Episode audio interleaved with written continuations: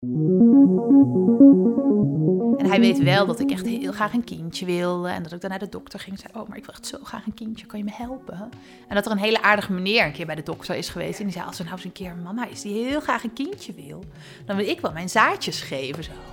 Dus toen gaf de dokter de zaadjes van die aardige meneer aan mama. Nou ja, dat, ik vertel dat wel op een heel bazaal kindniveau.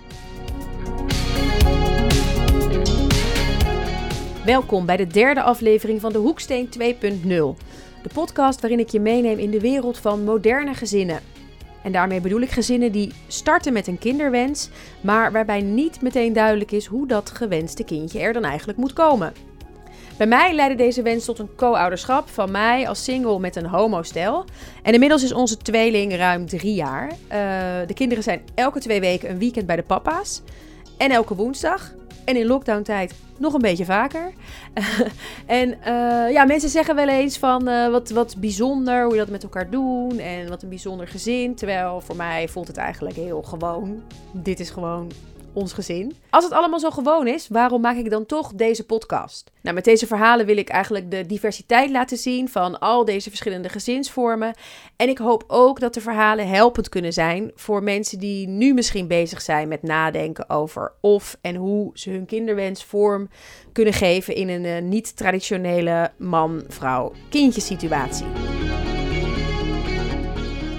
En vandaag ben ik bij Hadewig. We zitten hier uh, tussen de verhuisdozen. Je gaat uh, naar een nieuwe woning. Uh, hoe noem jij eigenlijk jouw gezin en hoe ziet jouw gezin eruit? Ik noem mijn gezin ook gewoon mijn gezin. dus voor mij voelt het gewoon heel normaal. En ik ben me eigenlijk ook niet meer zo bewust van dat het een modern gezin is. En mijn gezin bestaat uit mijn peuter, Mattis, van drie. Volgens zichzelf echt wel drieënhalf. Zeer belangrijk. En mijn twee dreumissen die zijn uh, afgelopen weekend één geworden. Een peuter en een uh, tweeling. Ja. En je doet het alleen. Ik kan me voorstellen dat jij misschien ook wel eens van mensen krijgt van... wauw, en hoe doe je dat? En, uh, of valt het wel mee? Hmm, nee, dat krijg ik wel. Die eerste die liep eigenlijk wel. Ik vond het echt, nou ja, superleuk en heel gezellig. En het leek me fijn voor hem een broertje of een zusje... en voor mij ook nog een kind erbij. Dus die eerste... Ja, en en toen kwam er een tweeling. Dat was echt een grote verrassing. Gewoon een spontane tweeling komt niet in mijn familie voor. En die tweeling, dat was echt wel even aanpoten in het begin. En uh, nou ja, toen is mijn netwerk ook in, zeker in de kraamtijd echt bijgesprongen door maaltijden te brengen. En mijn peuter werd dan door mensen gebracht en gehaald naar de opvang. En die namen mij mee naar buiten op de dagen dat ik normaal werkte. Dus dat was echt super fijn. En dat coördineerde allemaal een uh, lief vriendinnetje. Dus ja, die start met die tweeling was wel even gewoon pittig. Maar ik betwijfel of ik daarin dan heel erg afwijk van een gemiddeld gezin. Want ik heb wel contact met andere tweelingmoeders. En zeker als ze al een peuter hebben rondlopen, vinden ze de start vaak wel echt even pittig. Ja, ja dat is gewoon... Uh... Aanpoten. Ja, ja, het is intens. En uh, ja, zodra ik dat op de rit had, is het nog steeds gewoon hard aanpoten met drie jonge kinderen. Maar ja, je doet het gewoon. En ik vind wel het voordeel, dat zei ik altijd wel toen ik er één had. En dat is met drie nog steeds. Kijk, ik weet gewoon dat ik er s'nachts uit moet. En een ander, dat hoorde ik dan wel eens van collega's, die hebben echt nog wel een paar keer per jaar ruzie, omdat ze dan toch hopen dat die man het ook een keer gaat doen, of die andere partner. Maar zij zijn wel degene die er altijd uit moeten. We zitten nu al helemaal in je huidige family life, maar misschien is het wel interessant om even terug te gaan naar hoe jij ja, besloot om als single voor het moederschap te gaan. Hoe was voor jou die, die fase waarin je twijfelde of, of nadacht over moederschap in je eentje? Ja, ik wist dus altijd al dat ik moeder wilde worden. Ik dacht later als ik groot ben, dan word ik moeder. En uh, toen ik heel klein was, vond iedereen dat schattig. En op een gegeven moment dachten mensen, ja, maar wat wil je nu echt worden? En toen dacht ik, ja, iets met kinderen wil ik worden. Maar wat, dat uh, wist ik dan nog niet. Maar dat was wel oké. En toen werd het juf en toen uiteindelijk iets anders. En um, ja, toen kwam die vriend niet. En toen had ik al wel dat mensen op een gegeven moment zeiden van... Goh, maar hoe zie je dat? En ik weet in het studentenhuis dat ik op een gegeven moment al tegen een huisgenoot zei... Ja, als hij nou echt niet komt, ik dacht, dan kan ik het altijd nog alleen doen. En zij zei toen wel, ja, ik zie jou dat ook echt wel doen. Dus het was altijd wel een soort van optie. Toen was je best wel jong, of hoe oud was je toen? Je begin twintig. Ja. Ja. Dus toen was ik best wel jong, maar toen was het wel het was een soort optie, maar nog ja. niet helemaal, dat ga ik dan doen. Maar stel hij komt niet, dan is dit wel echt een optie. Dus dat, ja, dat was gewoon een soort optie. En uh, dat hebben mensen later ook nog wel eens tegen mij teruggegeven. Ja, je hebt het al wel eens genoemd hoor. En ik bleek het al bij best wel veel plekken wel eens genoemd te hebben. Ja. Dus bij mij, toen ik zwanger was, kwamen ook niet, eigenlijk helemaal geen rare reacties. Wel sommige mensen die zeiden, oh, maar ik wist helemaal niet dat je geen partner had. Maar geen reacties van, huh? En toen zei, nee, maar die heb ik ook niet. Ik heb een donor. Oh, oké. Ja, nee, dat kan natuurlijk ook. Niemand die verbaasd was dat ik zwanger wilde worden of zo. Nee, nee, nee. Maar ik kan me voorstellen dat je ook nog wel uh, hebt gedate of wel hebt gekeken of er een, uh, een partner was om dat mee te doen? Of... Ja, en ik merkte op een gegeven moment dat het daten gewoon echt niet meer leuk werd. Want ik was eigenlijk niet meer alleen op zoek naar een partner, maar ik was vooral ook op zoek naar een vader voor mijn kinderen. Dus die man die dacht nog allemaal heel leuk indruk te maken. En ik zat eigenlijk al gewoon een soort met een lijstje. Ben jij een leuke vader of niet? En ik merkte dat het, het daten was daarin gewoon niet meer heel fijn en leuk. Omdat ik gewoon eigenlijk best wel een achterliggende agenda had. Waarvan die ander zich niet meteen bewust was. Dus ik vroeg natuurlijk al wel vrij snel: Goh, heb je ook een kinderwens? Nou, als dat een nee was, dan was het ook ongeveer wel klaar. Het laatste, wat niet eens echt nog een serieuze relatie was, op een gegeven moment een soort klaar was, toen ben ik het wel echt heel serieus gaan onderzoeken. Nou, ik had het laatste jaar toen al best wel veel erover nagedacht. En ik denk dat ik vlak er tegenaan zat van, uh, om het te gaan doen. En toen ontmoette ik die persoon. En toen dat klaar was, heb ik gewoon het hele ding wat in de koelkast was gezet er weer uitgepakt. En ik heb ook wel met mijn peetante een paar keer overlegd. Want volgens mij, ik ben zelf toen best wel dat ik dacht van... Ja, is dit niet heel egoïstisch of zo? Om het in je eentje te doen? En ik geloof dat ik daar wel een paar maanden mee ben Hoezo egoïstisch? Waarom vond je dat... Uh... Nou ja, ik wil een kind. En zij zei toen van, oh, maar vind je het als mensen het met z'n tweeën doen, vind je dat dan niet egoïstisch? En toen dacht ik, ja, eigenlijk ook wel. En, toen, want toen, en toen, dat, toen was het wel heel snel dat ik dacht, maar vind ik het dan als ik het alleen doe egoïstischer? Toen dacht ik, nee. Ja, ik wil heel graag een kind, maar mensen met z'n tweeën willen ook heel graag een kind. En die kiezen er dan voor om een kind op de wereld te zetten. Er is niemand die denkt, nou laat ik meneer Rutte eens even helpen. Uh, door te zorgen dat we met elkaar de pensioenen kunnen betalen. Mag ik hopen voor het kind, bij wijze van. Ja, hè? Ja, ja, dus ik, ja, op zekere hoogte vind ik een kind krijgen... is denk ik altijd ook wel een egoïstische keuze. Ja. En misschien wel goed ook, want jij wilt heel graag ook een kind. En ik dacht natuurlijk ook dat ik dat kind wel wat kon bieden. Dat heb ik me natuurlijk ook wel afgevraagd. Kan ik een kind wat bieden? Denk ik dat ik een kindje kan begeleiden naar volwassenheid? Uh, absoluut, hè? En dat zat er zeker ook. Maar ja, ik denk vind op zich kinderen krijgen tot op zekere hoogte wel een egoïstische keuze. Maar toen ik erachter was van, oh ja, maar ik vind het mijn keuze niet egoïstischer dan die van een uh, koppel. Toen was het wel dat ik dacht, oh ja, dan, ja, nee, dan ga ik het alleen doen. En toen kwam er van, goh, op welke manier wil ik het dan doen? En uh, ja, dat was voor mij wel redelijk snel helder. Dus ik vind het ook heel leuk dat jij het wel in co-ouderschap doet. Maar ik moest er gewoon niet aan denken om mijn kind de helft van de tijd te missen. Ja.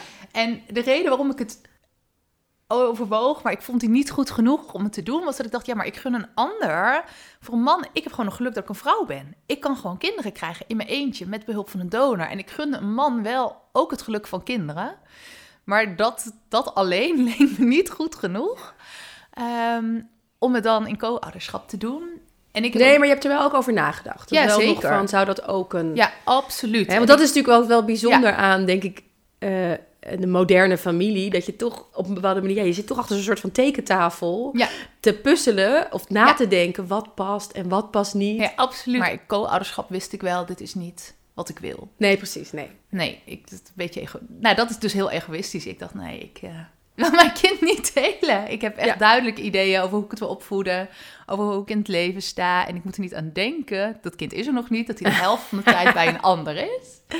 Nee, en ik moet er, ja, nu denk ik af en toe, nou, gewoon eens een nachtje goed kunnen slapen. Dat lijkt me heerlijk. Maar ondertussen zou ik ze ook heel missen. anders. Ja, precies. Ja. Dus nee, en ik zie, ik heb een vriendin die twee kindjes in co-ouderschap heeft. En ik zie echt de meerwaarde er zeker van in. Ik vind het ook heel mooi, maar het was niet voor mij. Nee, maar het is, moet passen, toch? En dat is in, denk ik wel interessant ook aan dat hele proces. Dat je toch moet kijken van, ja, wat past, ja. wat past bij mij? Het mogen inmiddels duidelijk zijn voor Hadewig is... als ze eenmaal de beslissing heeft genomen om er alleen voor te gaan snel duidelijk op welke manier ze dat wil doen. Ze schrijft zich in voor de wachtlijst van een zogenaamde B-donor, een donor dus via het ziekenhuis, met wie haar kindje als hij 16 is en daar behoefte aan heeft, contact kan zoeken. Ik heb wel best wel een aantal paar vriendinnen verteld toen ik op de wachtlijst stond en toen ook meteen gezegd ik sta nu op de wachtlijst. Maar ik ga het er verder niet over hebben. Ik ga niet zeggen wanneer ik ga beginnen. En uh, je hoort hopelijk op een gegeven moment wel als ik zwanger ben. Ja. En toen ik echt begon, wisten twee of drie vriendinnen dat wel. En ik heb ook wel een vriendinnetje, ja, ik mocht dan uit zo'n heel gek, uit zo'n groot boek, een donor gaan kiezen. En toen heb ik ook wel een goede vriendin meegenomen. En dat, dat was echt wel heel fijn. En zij was daar inderdaad heel helder. Oké, wat zoek je? En, en wat, wat, wat, hoe werkt dat dan? Wat, kun je, wat weet je dan van die donor? eh? Ehm, ja, wat weet je? Uiteindelijk ook niet zo heel veel hoor. Het is niet dat je een Facebook-profiel ziet. Eh, uit- uiterlijke kenmerken, opleidingsniveau en ehm, wat voor werken iemand nu doet. Hm.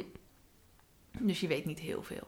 Maar ik, ja, ik was heel blij dat ik haar mee had. Zij was daarin gewoon heel objectief, heel dingen. Ik- Ja, ik had wel de juiste persoon mee. Ja. Ja, dus er waren wel mensen die wisten dat ik bezig was. Maar pas toen ik zwanger was, heb ik het echt tegen iedereen verteld. Ja. En, Ja. ja, bij mij was iedereen gewoon positief. Met zo'n donor inderdaad, wat je net al zei, als je kindje dan 16 is, dan kan hij eventueel Ja. contact zoeken. Ja, dat klopt.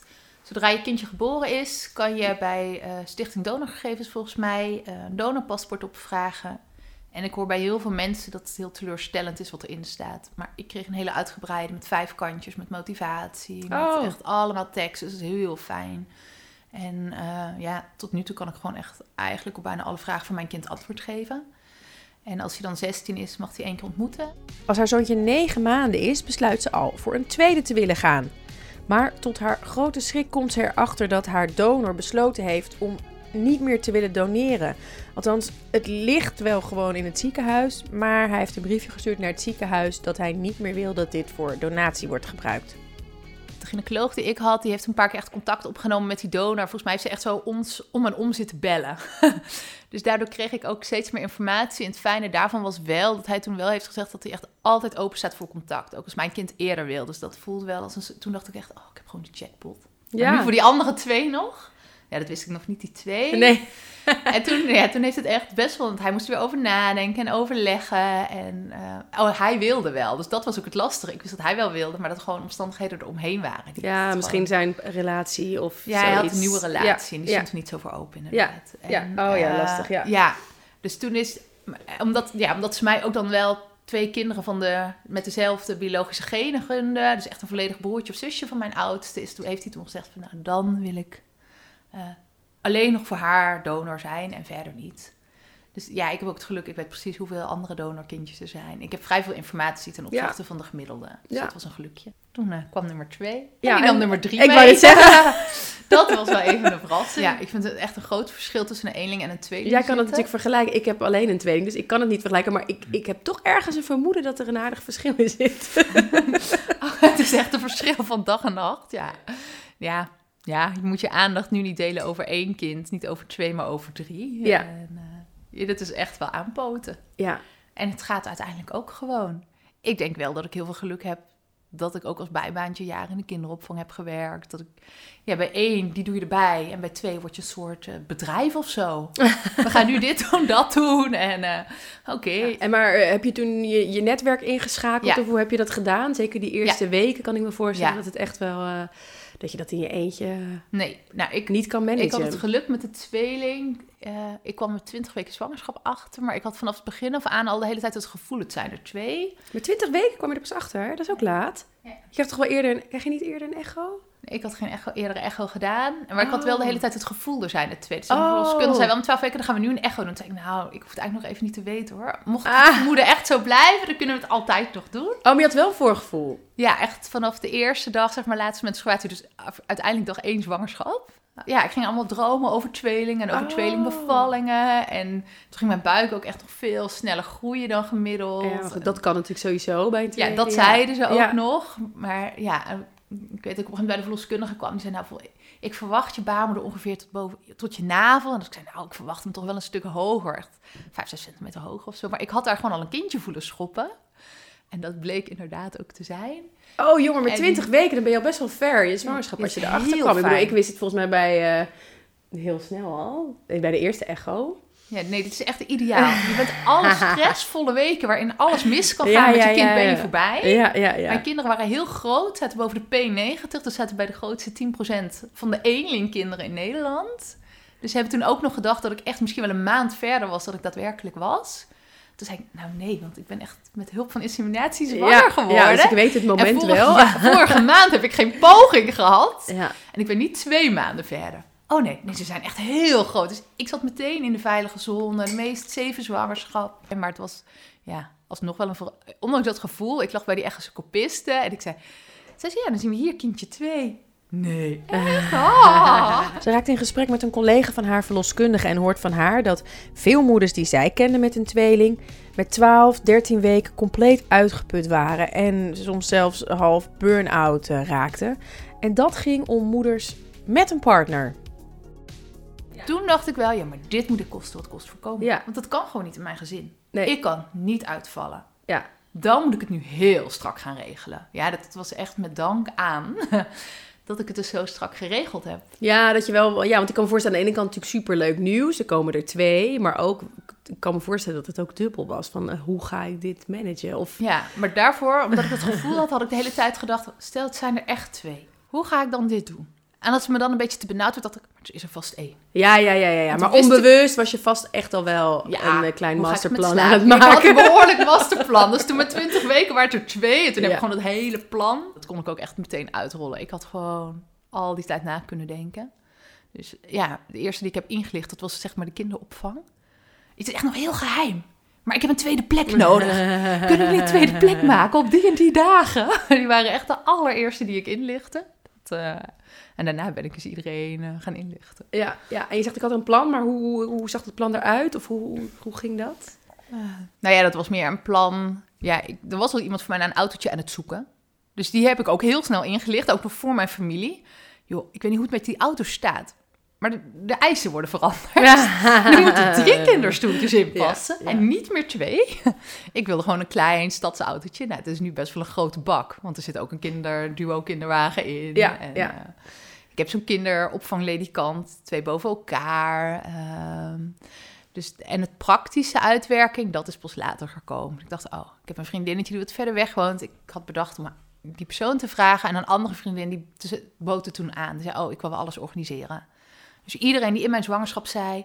als ik ooit eens iets voor je kan doen... dan zei ik, nou, ja, er zijn drie lijsten. Ja, heel goed. Mocht ja. jij op een van die drie lijsten willen... en dan appte ik gewoon naar die vriendin die alles coördineerde. De naam, met het nummer. Die Ja. wil op die en die lijst. Ja. En wat waren het dan voor lijsten? Eh, wie er wilde komen koken. Dus vanaf 35 weken zwangerschap kreeg ik twee keer in de week eh, eten gebracht. Maar ik kon op ja, met, een tweede, met mijn eerste heb ik gewoon tot 36 weken, ben ik met 36 weken zwangerschap verhuisd. Ik heb tot 36 weken gewerkt en ben daarna verhuisd. De verhuiswagen zelf gereden, kon alles doen. Met mijn tweeling, ik viel mijn 12, 13 weken al uit. En niet volledig, maar ik kon geen hele dagen meer werken. Ja, ja. Ik kon niet meer, op een gegeven moment, ik kon maar één keer per dag bukken. Ik heb uiteindelijk zelfs thuiszorg gekregen. Dat is echt bizar, maar ik kon echt niet meer zelf nog eh, stofzuigen en dweilen. Ik was heel dik. En op een gegeven moment werd ook wel mijn oudste, op de dagen dat hij niet naar de opvang ging, werd hij echt mee naar buiten genomen. Dan kon ik een uurtje liggen. En eh, ja, dat ging eigenlijk echt vanzelf. Ja, ik had een fijne verloskundige, ik had iemand in de buurt naar wie die zou gaan slapen, bij wie hij ook heel graag was. Dus toen ik, ja, ik heb daar uiteindelijk zelf niet heel veel voor hoeven doen. Maar wel inderdaad iedereen die in je zwangerschap zegt... Goh, als ik een keer iets voor je kan doen... dat Ja. zijn denk ik vaak de mensen die uiteindelijk... die niet meer gaat benaderen... omdat je ze niet heel goed kent of zo. Ja. En daar kom ik nu zeggen... nou, Nee, ik denk dat het heel slim is hoor. Want ik, ik was meer van, oh ja, nee, kom wel goed, kom wel goed. Totdat ik die twee had en dat ik dacht, dit komt helemaal niet goed. Maar als je dan nog alles met je zwangerschapshormonen moet gaan organiseren. Wie kan wanneer? Ja, dat was echt achteraf denk ik. Ik had gewoon eerder... Want er waren echt wel mensen die het aanboden. Maar dan dacht ik, ja, kom wel. Ja, je hoort me wel. Maar dan ben je gewoon te laat. ik had dus echt het geluk van die Ben je gewoon te verloskundige die dat noemde Ja. hoor. Ja, al die moeders die ik ken, die zijn met 12, Ja. 13 weken ingestort. En dat Ja. zijn moeders met een partner. Toen dacht ik... Ja. oké, dit is dus echt wel serieuze business. Ja, Hier moet echt een plan op. ja. Want nee, ik kan niet heel instorten. Dus verstandig. dan ja, heb ik nog ja. eh postpartum doula geregeld. En zij kwam dan één avond in de week. En ze nam allemaal lekker eten mee. En dan ging ik... Ja, en uiteindelijk kwam er... Een van mijn baby's huilde minimaal tien uur per dag. Dus dat was... En de rest was hij echt zo uitgeteld. Het was minimaal, hè. Was hij uit, zo uitgeteld dat hij ook niks meer kon. Dus toen is er in die kraamweek zijn er ook nog vriendinnen bijgesprongen met avondeten. Mm. En dan zaten wij met eten wat dus gebracht was, met allebei één baby over onze schouder die aan het brullen was. Te doen voor onze peuter. Of we het heel gezellig hadden, nog een hapje Ja, nemen. Ja, ja. En dan, ja, dan zaten die vriendinnen met twee brullende baby's. Als ik die peuter naar bed bracht, dat was echt mijn moment met hem. Ik dacht, ik moet voor hem ook gewoon zorgen. En dan las ik hem voor. En op een gegeven moment zei hij ook, mama, ga maar naar Anneberto, want de baby's zijn zo aan het huilen. Toen zei ik, nee, ik, ik leg jou nu in bed. En Anneberta kon het prima met die baby's. Maar had je een partner gehad, dan had je ook allebei Ja, zo ja, ja, gezeten. ja, Had je ja. ook met een Ja. baby die aan het brullen was, gedaan of het heel leuk was. Ja. Nou, dan gaan we jou nu in bed leggen. En dan ging ik weer die baby's dus voeden. En eh, ik geef ze allebei borstvoeding. Dus dat, toen dat eenmaal liep, toen werd het ook al... Toen ik ze tegelijk kon voeden, werd het makkelijk. Ja. Ik ging gewoon met die kinderen zitten.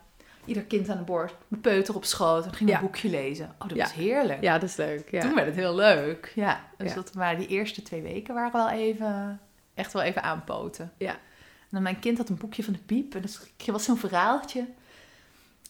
Ze vonden het niet leuk. Maar toch gingen ze door of zo. En ik las het en ik kon echt bijna alleen maar brullen. Ik dacht, het is ook gewoon echt niet leuk. Maar toch moet ik door. Maar dat, ja, dat was echt alleen de kraamtijd. En eh, de eerste paar weken, daarna werd het hartstikke leuk hoor. En ik kon ook al heel snel wel genieten. Maar dat, dat ene kind minimaal tien uur huilde. En het was ook gewoon heel zielig. Want je hoorde dat hij pijn Nee, had. dat is gewoon vreselijk. En het is precies wat je, het is wat je zegt. Het zou in een, eh, met een partner ook, ook zo zijn. Alleen ik kan me wel voorstellen dat de verantwoordelijkheid... Of, hè, je moet het zelf regelen dat er hulp komt. Ja. En het weegt, Ja. wat jij net ook al een paar keer zei... Ik kan gewoon niet omvallen. Nee, maar daarom voorkom je dus ook dat dat gebeurt. Ja, En ik denk, als je een partner hebt, ga je misschien te ver over je eigen grens heen. Want je hebt een partner, dus jij onbewust ben je ervan bewust dat... Of ik ben me wel heel bewust dat het niet kan. ja, ja. En ik kan me voorstellen als je een partner hebt, dat je daar iets minder bewust van bent. Vooral een van haar baby's huilt veel, maar na een bezoek aan de osteopaat wordt dat gelukkig minder. En kan Hadewig na een paar heftige weken meer gaan genieten en een ritme vinden met haar kinderscharen. Hoe, hoe, gaat, het, hoe gaat het nu? Hoe, hoe loopt alles? En, eh, Ja, nou nu ben ik dus druk met een verhuizing. en eh, nee, het loopt gewoon prima. Ja. ja, die kinderen zijn gewoon leuk en die groeien en die bloeien. En ja, het is heerlijk. We zitten nu in die tweede corona-lockdown. Dus ik, dat vind ik wel onhandig dat je als alleenstaande moeder eh, met drie kinderen toch geacht wordt om zonder je kinderen de boodschappen te doen. Ja, Ehm, ik heb het geluk dat ik hoe doe je dat? Ja, niet. ja, ik heb echt een vitale functie. Mijn functie wordt, ik denk dat mijn functie niet vitaal is, maar de sector waarin ik werk wel. Ja. En eh, mijn kinderen mogen naar de noodopvang. En nu is het wel heel erg de bedoeling dat zodra je klaar bent met werken, dat je meteen naar die kinderopvang race om je kinderen op te halen. En ik race dan even langs de supermarkt. Ik eh, gun mezelf dat ik even de boot. Want, maar anders race ik naar de supermarkt. Ga ik met die drie kinderen in de supermarkt de boodschappen doen? Dat Nee. is ook niet wenselijk. Nee, nee. Ehm, ja, dus dat is gewoon een beetje onhandig. Maar eigenlijk, het is echt prima te doen, vind ik. Ja, ik zou het iedereen die die wens heeft eh, zeker aanraden om ervoor te gaan. Ik geniet ontzettend van ze. En wij gaan verhuizen naar een project eh, met allemaal andere mensen die ik ook al vijf jaar ken. En eh, dan hebben we ieder ons eigen huis, maar we hebben een grote gezamenlijke binnentuin onder andere. En ik vind het ook wel heel waardevol dat ik kan opgroeien in een gemeenschap van andere mensen. En dat je met elkaar daar bent. En niet om elkaars kinderen op te voeden, maar ik vind het wel gezond dat ze ook andere gezinsvormen zien. Hm, En toevallig heeft onze buurvrouw ook twee kinderen met hulp van een donor. hm. Maar die zijn echt al puber. Dus mijn kind, mijn peuter, vond het dan heel gek. Niet dat ze een donor hadden, maar dat ze een donor hadden en al zo groot waren. Oh ja. Die had gewoon het idee, ja, als je een donor bent, hebt, dan ben je heel klein. En die wil, ja, die dacht, hè, maar jullie zijn al even groot Maar is dat iets wat je dus al bespreekt ook met je oudste? Ja, ja, ja. Ja, die kan dat heel goed vertellen. En die vindt het... En we hebben ook wel contact met andere kindjes met een donor. En die, die weet dat precies. En hij is ook mee geweest naar het ziekenhuis toen ik voor zijn broertjes ging. Oh ja. Die vond daar de lift het echt superleuk. Want dan moest je met allemaal liftjes en zo naar boven. Nee, die, en die kan het ook echt vertellen. En op vaderdag gingen ze bij de opvang blijkbaar iets knutselen. En toen waren er toevallig een keer twee invallers. En eh, volgens mij had hij gewoon geen zin in de knutsel. Dus hij zei, ja, maar ik heb geen papa. Dus ik mag gewoon spelen. En is gaan spelen. en toen hoorde ik later dat een van die leiders, die, die verving een pauze. Die stond eigenlijk op de babygroep als inval. Die had tegen zo'n andere juf gezegd... Ja, er was ook een kindje en die zei dat hij geen papa had. En die dacht dat er een heel erg verhaal achter zat. En die leider zei, oh ja, dat zal Mattis wel zijn. Ja, die heeft een donor. Maar volgens mij was het meer soort... Yes, hoef ik die knutsel niet te doen. Dat was totaal niet van... Ik heb geen papa. En op een gegeven moment kwam hij ook wel thuis. Ja, hij vindt dan kinderen die een gescheiden ouder hebben. Gescheiden ouders vindt hij heel lastig. Want die papa woont ook in een ander huisje. je. En er was dan één jongetje die bleef maar zeggen... Het kan niet. Iedereen heeft een papa. Ook als je papa in een ander huisje woont. En toen zei hij uit zichzelf... Ja, mama, ik weet hoe mijn papa heet. Toen zei ik, oh ja... Ja, mijn papa heet donor. maar hij weet precies... Ja, hij weet niet dat hij die misschien kan zien als hij 16 is of zo. Maar hij weet wel dat ik heel graag een kindje wilde. Ja, ja, maar is hij daar zelf dan... Want hoe is dat gesprek dan? Ben ik wel benieuwd naar tot, tot stand. Is hij daar zelf mee gekomen? Of hoe is dat gesprek tot stand? nou, ik weet wel... hij nog vrij jong? Ja, ja, ja. Was voordat hij twee was, was het wel toevallig echt op de opvang dat hij voor het eerst iets vroeg naar zijn papa, omdat hij daar andere kindjes met een papa zag. En toen heb ik wel meteen gezegd, nee, je hebt geen papa, je hebt een donor. En dat ben ik later wel gaan uit, eh, ja, uitbreiden. En we hebben een boekje Trip en Tux.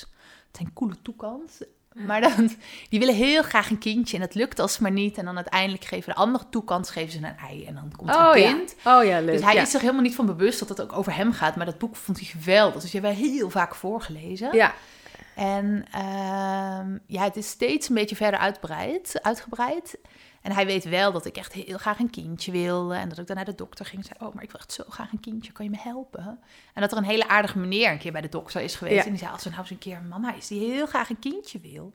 dan wil ik wel mijn zaadjes geven, zo. Dus toen gaf de dokter de zaadjes van die aardige meneer aan mama. Nou ja, dat, ik vertel dat wel op een heel bazaal kindniveau. ja, Dat- ja. En hij weet het ook. Ja. Hij kan het ook wel uitleggen. Is dat iets waar je ook van tevoren... Ik kan me voorstellen dat je daar ook van tevoren over hebt nagedacht. Van, als er vragen komen, ga ik het op die manier doen? Of, of is dat een beetje eh, gaandeweg ontstaan? Ja, allebei. Je hebt een boekje van het film, Beginnen bij het begin. En dat gaat over vragen over donorconceptie. Dus die heb ik doorgelezen. En eigenlijk zeggen zij... Het maakt niet echt uit wanneer je het vertelt... maar zorg ervoor dat je kind het nooit niet heeft geweten. En dat vaak kinderen die last hebben van dat ze een donor hebben... het probleem is dat ze dus niet wisten dat er een donor was. Maar dat ze dachten dat die andere ouder echt hun ouder was. En dat het dan in een ruzie of zo eruit kwam. Ja, precies. Maar dan heb je het meer over, over inderdaad stellen. ouders, waarin, maar, ook, eh, maar ook bij kinderen. Zorg eigenlijk dat ze nooit niet hebben geweten dat ze een donor hebben. Ja, Dus toen ik, ja, toen daar was ik, dat, toen dat naar boven kwam bij de opvang, dacht ik wel meteen, oh, ik moet nu wel zeggen, nee, jij hebt een donor. ja, precies. En Ja. toen zag ik wel zo'n leidster een keer kijken, zo van, hij is wel heel klein hoor. En dacht ik, ja, maar dan weet hij gewoon, dan is dat meteen, jij hebt een donor. Ja. En we hebben in Amersfoort een club vrouwen die allemaal een donor hebben. Allemaal single mom by choice. En dan spreken we één keer per, normaal gesproken één keer per maand met elkaar af. Oké, en, en wat, wat heb jij daar aan? Wat haal je daaruit om eh, Ehm, toch dat contact te hebben?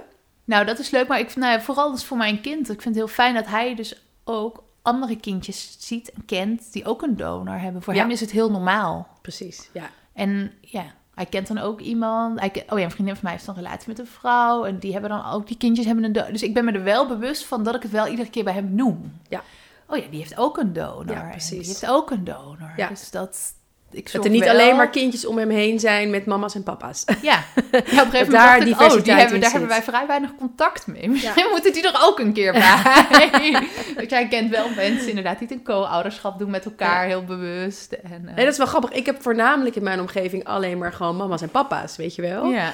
Dus dan krijg ik weer meer de vraag van, eh, want bij mij is er dan een papa en een pa Bert, van, eh, maar hebben die kindjes dan alleen een mama en een papa? Hebben die geen pa Bert? nee, die hebben geen Bert. Jullie hebben geluk. Maar dat ik ook wel dacht, het is wel leuk om inderdaad ook af en eens te kijken Ja. van wat, wat andere gezinsconstructies. Hè, ik, ja, ik heb wel twee vriendinnen dan twee mama's. Maar dat, ja, dat, dat ze dat ook een beetje wat meer gaan zien of zo. ja, dus voor mijn kind is het echt heel normaal. Dat is denk ik voor jou ook het belangrijkste. Dat het gewoon geen Ja. beladen ding is. Nee. Of, of gewoon een gewoon... eh, Ja, dat, voor mij voelt mijn gezin gewoon als gewoon. En ik moet af en toe even opletten dat anderen, dat ik überhaupt nog mensen informeer over. Dat, soms is het wel handig dat mensen weten dat je het alleen doet. Ja, maar dan ja, niet eens. Dus, ja, het is ook een beetje suf als je bij, ergens een keer bij een arts bent en er wordt dan gezegd, oh ja, maar ze heeft een donor. Of ik weet, bij de opvang was ik op een gegeven moment bevallen en die vrouw die wist, ja, die- dus die zei van, oh, ik stond er dus echt met een heel klein babytje. En die zei, maar kan je man dan niet een keer? En dat ik zei, ja, maar ik doe het alleen, hè? Ik ben zwanger van een donor. Oh, je hebt een baby. Dat ik zei, ja, en daar zitten twee. Zaten er ook nog twee baby's in die buik? Ja, daar zaten twee baby's in die buik. En ik doe, je bent alleen. Ja, en ik dacht, oh ja, ik zie die vrouw gewoon al 2,5 jaar bij de opvang. En zij weet helemaal niet dat ik het alleen doe. Dat hoeft ook niet. Maar ik dacht, het is ook voor mezelf helemaal geen ding meer. nee, nee. Je bent gewoon ouder. En ja, ik merk dat ook in contact met andere ouders. Mijn oudste lijkt heel veel op mij. Dus ik weet wel, toen we bij de speeltuin gingen spelen... dat op een gegeven moment best wel vaak de vraag kwam van mensen die ik niet kende. Ja, en hoe vindt jouw man dat nou? Dat hij, dat, dat hij niet op hem lijkt? En toen zei ik de eerste keer, zei ik, eh, ja, ja, die heeft er niet echt een mening over. Dat antwoord ben ik dan maar blijven geven. En toen dacht ik, oh, blijkbaar is het dus iets voor mannen vaak, dat als het kind niet op hen lijkt, want die vraag krijg ik wel meerdere keren. Maar dan voelt het ook een beetje gek om te zeggen, ja, maar ik heb een donor. Nee, dus je het ook is het ook gesprek ja, zo ja, dus je hebt ook niet zin om altijd dat te gaan toelichten of zo. Nee, want het is voor mij zo geen ding meer. Ja. Ja, nee, de, de, de, partner van de vader van de jongens is wat ouder. Dus dan krijgen wij, dat krijgen dan dus best wel vaak, die is al begin 60, dus krijgen we best wel vaak van, ehm, oh leuk, opa is ook mee. Ja, en dan heb ik, maar er komt natuurlijk een moment dat die kinderen dan gaan zeggen, dat is helemaal niet opa. Dat is, pa, dat is pa Bert, weet je Ja. wel. Dus, dat, dus als dat moment komt en die jongens gaan er iets van zeggen, dan ga ik wel mee. Maar ik ga, niet al, ja, ga ook niet altijd dan, ja, wat boeit het, weet je wel. Ja, precies. Maar het, ja, het is wel ehm, grappig. Mensen hebben gewoon hun eigen... Ja, logisch ook. Denken toch vanuit de standaard ja. kaders. Ja, en ik had dus pas ergens waar ze het wel wisten. En toen was het eigenlijk handig dat ze van mij en van de andere, dan van de biologische, biologische ouder ook informatie hadden. En zei ze, ja, die ouder, die, die informatie die heb jij natuurlijk niet. En zei ik, nou, die weet ik wel. En die, oh, dat is dan, daar werd juist de andere kant op ge- geïnterpreteerd. Van, oh, dat zal je wel niet weten. En toevallig wist ik het wel. Oh ja, Dus ja. Ik dacht, oh ja, Ja. vraag het maar gewoon. Ja, ja. Ja, dus, nee, Ja. het voelt gewoon als een gewoon gezin. Ja, heb jij nog tips eh, of, of, of iets wat je mee zou willen geven? Je ziet het al tijdens het gesprek vallen van als je het wil, ga er gewoon voor. Maar is er ja, nog iets wat je mensen zou willen, vrouwen zou willen meegeven die misschien nog zitten in de fase van kan ik het wel, durf ik het wel? Ja, ik denk dat waar, die, waar zit die durf in bij jezelf, zou ik gewoon goed onderzoeken. Want eh, ja, wat maakt dat je het niet zou durven? Ik denk als je je leven gewoon goed op de rit hebt en je hebt gewoon een fijne baan en ja, steady inkomen, leuk huis. ehm, en, ook, en je kan gewoon, je hebt een beetje een netwerk, maar dat kan je ook nog wel krijgen. Ehm, en je wilt het heel graag. Ik zou het juist doen, want volgens mij zijn er nooit mensen die spijt hebben van dingen die ze niet hebben gedaan. Mhm. Of van die ze wel hebben gedaan. En wel mensen die spijt hebben van dingen die ze niet hebben gedaan. Ik heb na mijn eerste, echt wel, het zijn er een aantal mensen naar mij toegekomen die dus hebben aangegeven dat ze spijt hebben gehad. Achteraf, dat ze het niet hebben gedaan alleen. Dat ze Mm. toen in een relatie zaten waarin de ander het niet wilde. Toen dacht ik, oh ja, oh, jeetje, ja. Dus als je het zou willen, zou ik het echt gewoon doen.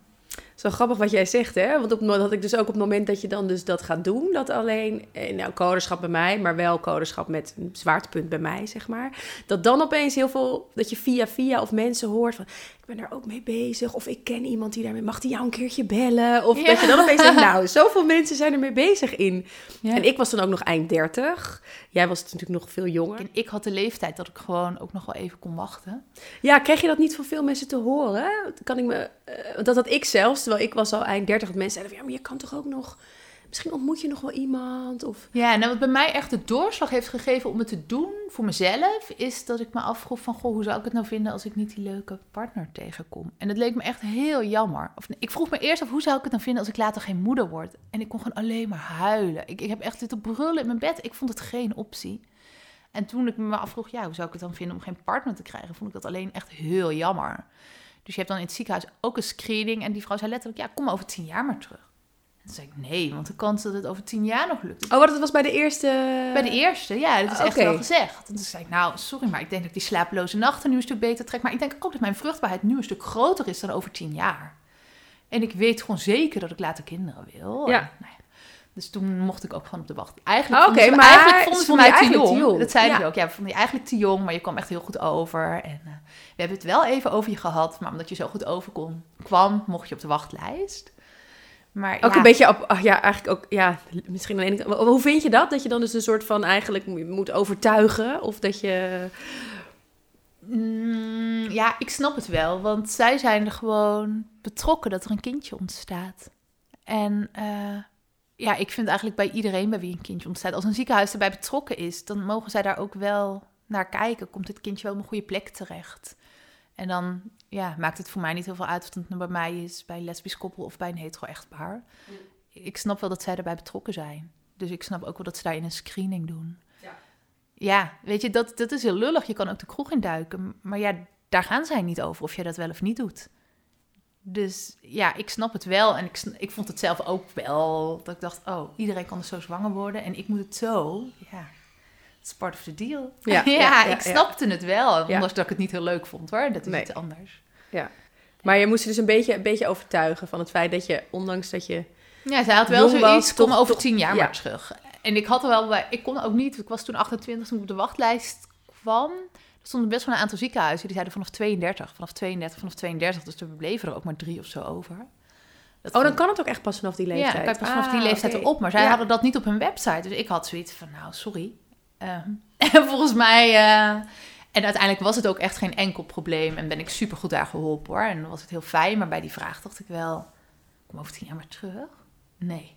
echt niet. Het is wat ik nu wil. Ja. En, eh, Ja. ja, en ik denk, daarin is wel- het verschil. Zij zag het echt als een soort aller, allerlaatste optie. Heb je in uiteindelijk dus nog geen partner... en kan het echt allemaal niet meer... Nou, dan kan je misschien nog... Ja, ja, ja. Terwijl ja. ik had zoiets, ja, die partner kan altijd nog komen. Ik wil gewoon zo graag laten moeder worden. Ja. Ik wil echt voor mijn kinderen zorgen en die op zien groeien. En eh, ja, die partner kan nog wel. Ik had, daar, ik had daar denk ik net een andere kijk op als zij. Dus eh, ja, ga ervoor. En Ja. ik zou zeggen, als je zwanger bent, ik had een caseload verloskundige. Dus dan heb je echt maar één verloskundige die je ziet.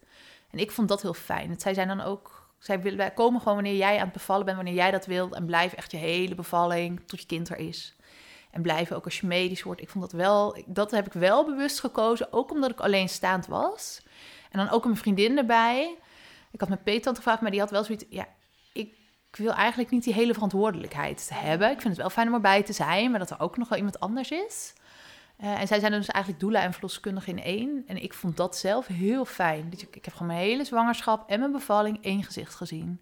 Toen ik een tweeling kreeg, had ik één gezicht. Dus dat zou ik wel... Ja, dat zijn wel dingen die je voor jezelf goed kan regelen. Hey, en ehm, je zei van de- die partner, die, die komt het nog wel misschien of niet. Is dat nu ook een... een eh, eh, nee, heb je tijd om te, da- te daten? nee. nee, maar ik weet wel, toen ik eenmaal op die wachtlijst stond... Toen was het soort aan die kinderwens was gewerkt. Dat hoefde niet. En toen voelde ik wel... Oh, als ik nu iemand tegenkom... geef ik het echt een veel grotere kans van slagen...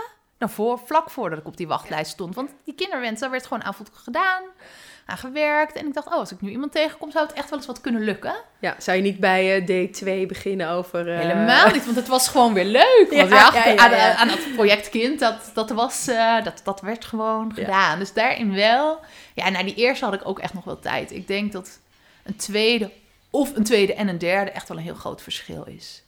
Ik, eh, ik ben wel even onder de pannen. En Ja. ik vind dat op zich nu ook prima. Ja. ja, ik denk wel dat het vanzelf komt. Er is inderdaad nu iemand waarvan ik denk, oh, je bent wel echt leuk. Maar dat kan over een half jaar ook nog. Nu eerst even die kinderen lekker op de rit. Die groeien, bloeien goed. En had je, want nu heb je drie kinderen, omdat het natuurlijk een tweeling was, maar eh, had je dat van tevoren eh, kunnen bedenken? Dat je voor, dat je voor dr- drie zou gaan uiteindelijk? Nee, toen ik nog niet wist dat het een tweeling was, toen dacht ik, oh wie weet, over een aantal jaar samen met, met een vriend nog een eentje. Ja, precies, Toen hield ik ja. de optie open, maar ik zou in mijn eentje nooit voor een, voor een derde zijn gegaan. Dat was een soort in mijn hoofd, was in mijn eentje twee gewoon max. En eh, nou ja, daarom zie ik die tweeling ook wel echt eigenlijk als het beste wat me ooit is overkomen. Want ik zou gewoon niet voor een derde zijn gegaan. En nu heb ik er drie. En Ja. ja, geniet ik er zo van. Ik heb altijd een groot gezin gewild. Ja, een collega zei dat pas nog. Zei, ik moest er zo aan denken dat jij een keer, echt al jaren terug hebt genoemd, dat je zo graag een groot gezin wilde.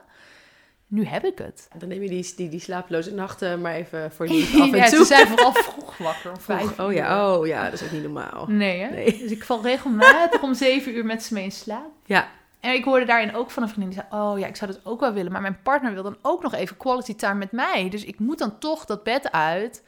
En ik word om half tien wakker en denk: Oh, even snel de tafel afruimen. Ga douchen en kruip er weer in. dus ja. maar ik zou me ook niet kunnen... Oké, ik heb dan geen drie kinderen, maar twee, oké. Maar ik, dat ik ook wel eens denk, nou stel dat ik een partner had, hoe, daar heb ik toch helemaal geen tijd voor? nee, ja, dat is. Daar heb ik toch helemaal geen tijd voor? Want ik ben nu, of ik ben met de kids en als ze bij hun papa zijn, dan ga ik of achterstallig werk doen, of ik ga mijn huis schoonmaken, of ik crash. Eén van de drie. Ja, nee, maar, Dus als ik een partner zou hebben, ik zou niet weten waar ik daar... nee, Of maar je hebt tuurlijk ook heb een je- tweeling. Volgens mij is een tweeling gewoon intensief. Eh, ja, dat klopt. Maar voor Hadewig en alle andere tweelingouders, hoe ouder ze worden, hoe beter het ook te doen is, omdat ze af en toe toch ook wel eens een beetje samen kunnen gaan spelen. Ik betrap me er wel eens op dat ik gewoon een half artikel gelezen heb. En de BAM, dat staat dan voor de bewust eh, alleenstaande moeder. En net hoorde ik je zeggen single mom by choice. Hoe noem je jezelf? Je, je noemt jezelf niet zo, maar als je dan toch jezelf zo moet Eh, noemen. ja, als ik het echt ergens kan noemen, vind ik het heel fijn als toevallig het gesprek in het Engels gaat. Eh, want dan is het inderdaad single mom by choice. Ik vind dat zelf veel fijner dan bewust alleenstaand moeder. Want ik heb er niet bewust voor gekozen om alleenstaand te zijn. Ik heb er heel bewust voor gekozen om moeder te worden. Eh, en daar, Ja, zit voor oh ja, mij echt wel een groot... natuurlijk het, het, het moederschap bij keuze in plaats Ja. van het alleenstaand bij keuze. Ja, en het ja, komt ja, natuurlijk ja. vanuit die bommoeders die, die echt vaak heel bewust niet gehuwd waren, maar soms gewoon een relatie hadden of iets. Maar ik heb er helemaal niet bewust voor gekozen om alleen te zijn. Ja. Ik heb gewoon die partner niet en had die kinderwens. En eh, nou ja, die partner kon nog komen. Ja, Dus het, ik vind, ja, de Nederlandse term dekt voor mij persoonlijk minder de lading. ja, snap ik. Dus ja, ik ze zou een eigenlijk een nieuwe term misschien eh, ja. Bewust... ja, en er wordt ook wel solo-moeders gebruikt. Maar ik heb daar, dat is me ook, ja, single mom by choice dekt voor mij echt een lading. Alleen het is jammer dan eh, dat het Engels is. Je merkt soms in Nederland wel dat er echt, dat eigenlijk alle alleenstaande vrouwen op één hoop worden gegooid. Ook die tiener die zwanger is geworden Ja. van een vriendje en alleen is, die wordt eigenlijk ongeveer op dezelfde hoop gegooid als ik. En volgens mij, ja, als ik om me heen kijk, ja, voldoen, doen wij het allemaal prima als we echt heel bewust alleen voor gekozen hebben. En er blijkt ook echt uit onderzoek dat kinderen die bij een bewust alleenstaande moeder opgroeien, op latere leeftijd geen slechtere uitkomsten hebben dan kinderen die bij een echtpaar opgroeien. En op een aantal terreinen zelfs iets beter. Maar ik denk dat dat gewoon is dat ze ergens niet kunnen hebben kunnen corrigeren of zo. Nou ja, wie weet. Wie, laten we hopen. Het waren echt niet, ik hoop het, het waren wel. Maar nou het ja, waren wat ik wel denk, doordat er, verschillen. geen, doordat er geen partner in huis is, heb je wel alle aandacht die je hebt, die gaat naar je kinderen. Ja. Weet je? Ja, dat is. Ik krijg best wel vaak ook van, goh, wat praten ze al goed? Dat praat ze goed. Ja, ik praat de hele dag tegen ze. Ja. Ik zit niet met iemand anders een gesprek te voeren terwijl zij eh, zitten te brabbelen. Nee, dat, Je praat natuurlijk de hele tijd. Maar Ja. goed, niet. maakt ook niks uit. Maar, Nee. eh, Maar dus, nee, ze doen het eigenlijk volgens mij gemiddeld genomen ook echt hartstikke goed. En dat, daaraan is het af en toe gek dat alle alleenstaande ouders op één hoop gegooid worden. Maar bij het consultatiebureau staat er toch een vinkje, want je bent alleenstaand. En die arts had ik de eerste keer al, oh, ik zie het al, gaat hartstikke goed. En dus zelfs met mijn tweeling zei ze, oh ja, ik zie het al. Ervaren moeder, ehm, zullen we eens wat minder doen? Ik zei, nou, lijkt me top. Ik dacht, hup, scheelt weer een ritje daar naartoe. Ja, Het komt ja. toch nooit uit op de een of andere Ja. manier. Maar als, in principe heb je als alleenstaande moeder gewoon een paar plekken een vinkje. ja, Ja. Daar moeten we eens even extra naar kijken. Ja. Nu was ik er ook iedere keer wel zo vanaf. Ja. Maar, dat, ja, wat misschien ook in de, in de gevallen waarin het wel nodig is, goed is. Maar, Ja. Maar daarin wat is meer natuurlijk wel een gedifferentieerd kunnen, tussen kunnen worden. kies je er echt bewust voor om alleen te zijn of overkomt het je? Gaat Precies. je man weg tijdens je zwangerschap? Eh, het zijn wel, het zijn echt wel... Ben je, ben je gescheiden? Want er gaat daar ook nog heel veel aandacht Ja. naartoe. Het is echt wel anders of je er vooraf al voor kiest om het in co-ouderschap te doen. Of dat je ook Nee, nog dat je naar elkaar Ja, hebt. tuurlijk. Hoe Ja. gaan we uit elkaar? Waarom lukt het niet? Ja. Nou, ik denk dat dit verhaal in ieder geval weer heeft bijgedragen aan eh, het, het beeld van het eh, single mom by choice eh, leven. Super dank voor het delen Ja, hiervan. gedaan. Dit was de Hoeksteen 2.0. En als je dit nou een leuke aflevering vindt, dan vind ik het weer heel leuk als je hem deelt. En als je een review geeft op iTunes. Over twee weken praat ik met Sjors en Aart. Dat gaat over hun moderne gezin dat tot stand is gekomen met hulp van een bekende draagmoeder. Wie weet, tot dan!